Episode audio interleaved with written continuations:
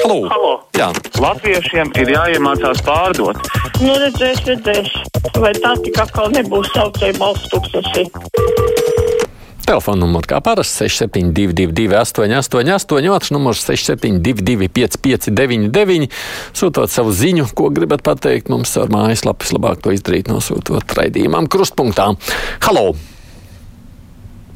Halo! Nedzirdu jūs, jūs mani arī spriežot pēc visa nē. Izglītības ministra amats ir jādod tikai Nacionālajai apvienībai. Tad viņi varēs ieviest apmācību latviešu valodā. Pat ja viņi nespēs, tad neviens to neizdarīs. Bet tad Nacionālajai apvienībai būtu reāli iespēja pierādīt sevi darbos. Tā te mums vairāki klausītāji ir izteikušies par šo tematu. Halo! Labdien! Labdien! Man gribas teikt, kamēr Andris Bērziņš kūrēs pa ceļiem, Mamēdovs arī būs satiksmes ministrijā. Nebūs ne nauda, ne ceļi. Nu, ko tam tik ļoti skeptisks? Nu, tā kūrēšana jau ir nosacīta. Viņš pārstāv tikai apvienoto nevalstisko organizāciju būtībā, tā to varētu sacīt. Es jūs lūgšu neizplatīt viltus ziņas. Radio Stāra FM konta SVK katru apaļstundu ir ziņas, kas ne tuvu neatpaliek no Latvijas radio viens, rakstā Arnolds. Bet kā es nezinu, kas ir tā viltas ziņa, tad es nevaru komentēt. Halo! Jo tas nav šitas numurs. Ko jūs teicāt, nedzirdēju? Jūs laikam gribējāt runāt ne ar mani. Jā, tagad es jūs tikko pieslēdzu, vai jūs man dzirdat? Halo, Jā, lūdzu. sveiks, Aidi. Sveicināti. Nu, lai glābtu vienu sunīti, izlandīja klējas mežu.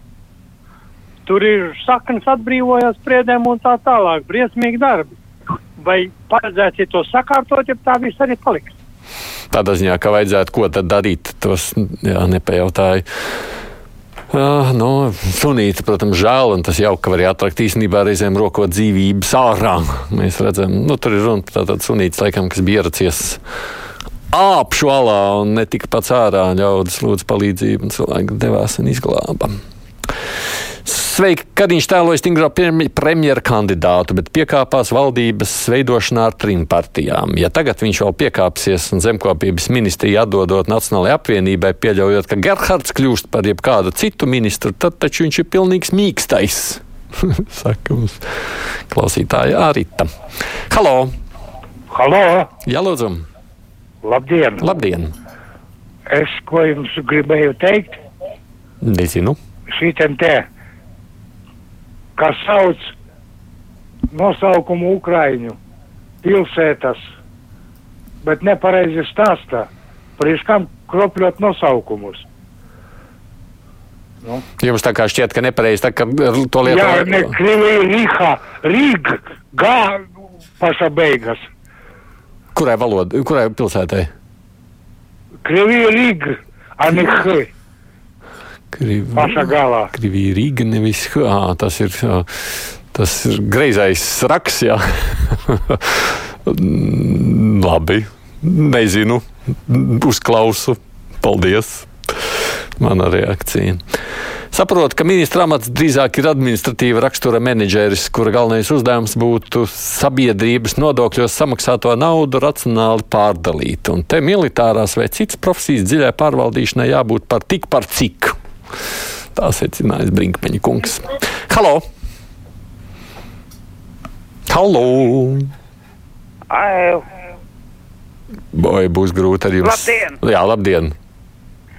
Uh, šito te man gribās par premjeriem parunāties. Nu, šito te sakiet. Nu, uh, es, piemēram, uzskatu, ka viss kārtīgākais, un lai vai viņi uzskata par zāgdu un kādu viņš tur notiesāts bija, tas būtu Lembergs. Pastieties no smirdošas pilsētas Ventspilu uzcelt līdz ziedošai pilsētai. Tas taču bija varoņdarbs. Kad nauda ir daudz, tad varoņdarbs viegli īstenot. Tāds vienīgais secinājums. Vai kāds var pateikt, ko labu pagājušā sasaukumā ir izdarījis kultūras ministrs Puntulis, raksta Roberts. Es nezinu nevienu viņa labo darbu, varbūt kāds jūs varat uzrakstīt. Nes, ko jūs varbūt tieši gribētu tādā ziņā dzirdēt. Ko domājat par Glorijas interviju Belarus radio uzreiz pēc svinīgās vēras sniegšanas saimā, saka Oskars. Es jau tikai redzēju sižetu par šo, bet es pašu interviju neesmu dzirdējis, tā kā piedodiet, nekādi nevarēšu to komentēt. Tā, tā. ir gan zvans. Halo! Halo! Kā neizdodas ar jums sarunāties šodien? Jūs man dzirdat? Nedzird ceļu klausuli, bet nedzird. Zviedrijā ir bagātības nodoklis. Te tādu nodokli arī vajadzētu turīgajiem, tā lai pie mums gluži kā Zviedrijā invalīdi saņemtu pieklājīgas pensijas. Ne jau tikai skolotājiem vajag algas un dzīvot, saka Elīna. Nu, kā redzat, Elīna Latvijā īstenībā sociāldemokrātiskā pieeja, jeb kreisās partijas nekad nav bijuši īpaši populāras vēlēšanās. Nu, tādas, nu, labi, mēs varam teikt, ka tur nāk arī līdzi zinām ideoloģija, nu, un arī tā nav nākusi līdzi. Halo! Labdien! Labdien! Vai tikai radio izslēdziet? Es nevarēšu ar jums sarunāties. Lūdzu, tad, kad jūs sazvanāties, izslēdziet radio pierēzes. Halo! Halo, labdien! Labdien! Tā, runājot par ministru punktu, nu kā, vesels četrus gadus meklēja vietu koncertu zālē, izgudroja dažādas stūvas teorijas, un tā arī tā tie četri gadi viņam pagāja. Bet, piemēram, lai piedalītos kaut vai tāda ievērojama kultūras darbinieka kā Jāņa Erenštreita jubilejā un apsveikt šo cienījamo cilvēku jubilejā, tam puntulim laika neatradās. Tā kā acīm redzot ļoti, ļoti aizņemts ministrs, tāpat kā Gehards, kuru jūs aicinājāt uz kruspunktu, bet viņa vietā ieradās kaut kāds tur ierēdnis, un jūs to ierēdni pieņēmāt. Ļoti nesmuki. Es laikam par šo nebūšu šīs lietas kursā, jā, kas tur bijis viņa vietā, bet, eh, bet nu, redz kāds vērtējums par Punteļu kungu. Gads rindā uz mājas nodošanu. Ne jau cilvēku vainas pēc tā ir birokrātija. Te pievērš mums rakstam, kas ir Latvijas avīzē, klausītājs viens. Klausītājiem vajadzētu saprast, ka ir atšķirība paņemt jau gatavu ziņu no ziņa aģentūrām vai sūtīt savus korespondentus uz notikumu vietām. Tā Gita, acīm redzot, par radio ziņām izteikusies. Halo! Labdien! Labdien! Um, es ļoti ceru, ka tā kriptovalūta nebūs vienīgais maksāšanas veids. Ja man atnes, piemēram, zīltiņu, nu, es taču neteikšu uh, kaimiņam, es tiešām maksāšu kriptovalūtā. Pagaidi, ka tev būs labs telefons. Paldies! Jā, no tāda laika laikam nepienāks droši vien. Uh, nu, Uldis Pīlēns ir multimiljonārs, raksta mums Dančes kundze. Viņš ir ienācis ar viltību Latvijas valdībā un pašlaik rodas iespējas par vilku jēra ādām. Tāds mm, priekšstats. Savukārt Klaudija raksta, vai ārstniecības likums un bērnu aizsardzības likums Latvijas ārstniecības iestādēs ir atcelts, un pacientiem patiešām nav tiesības atteikties no protokoliem un procedūrām. Klaudija, tā kā es nezinu, par ko ir runa, tad jums droši vien būtu jākomentē vairāk, citādi nezinu to skaidrojumu, kāds tajā ir. Vai nevar vienreiz kārtīgi nobumbot ar ASV palīdzību to Krievijas armiju? Tad taču būtu iespējas pielikt punktu Ukrainas postīšanai, saka Anita. Kaut kādā kontekstā gan jau mazliet arī par to mēs varam nākošajā stundas laikā parunāt, tad, kad Tad, kad būs iespēja, tā, vai nu man telefoni ir uzkāršies, bet es šobrīd tikai saņemu e-pastus. Tad e-pastu man nāk daudz, zvanu nav, tāpēc turpinu lasīt. Prieks, ka kruspunktā būs tik superīgs cilvēks kā Reinis. Nododiet, lūdzu, sveicienus. Ļoti cienu tā sīkne raksta. Halo! Halo! Halo! Jā, lūdzu! Jūs mani dzirdat? Es jūs dzirdu.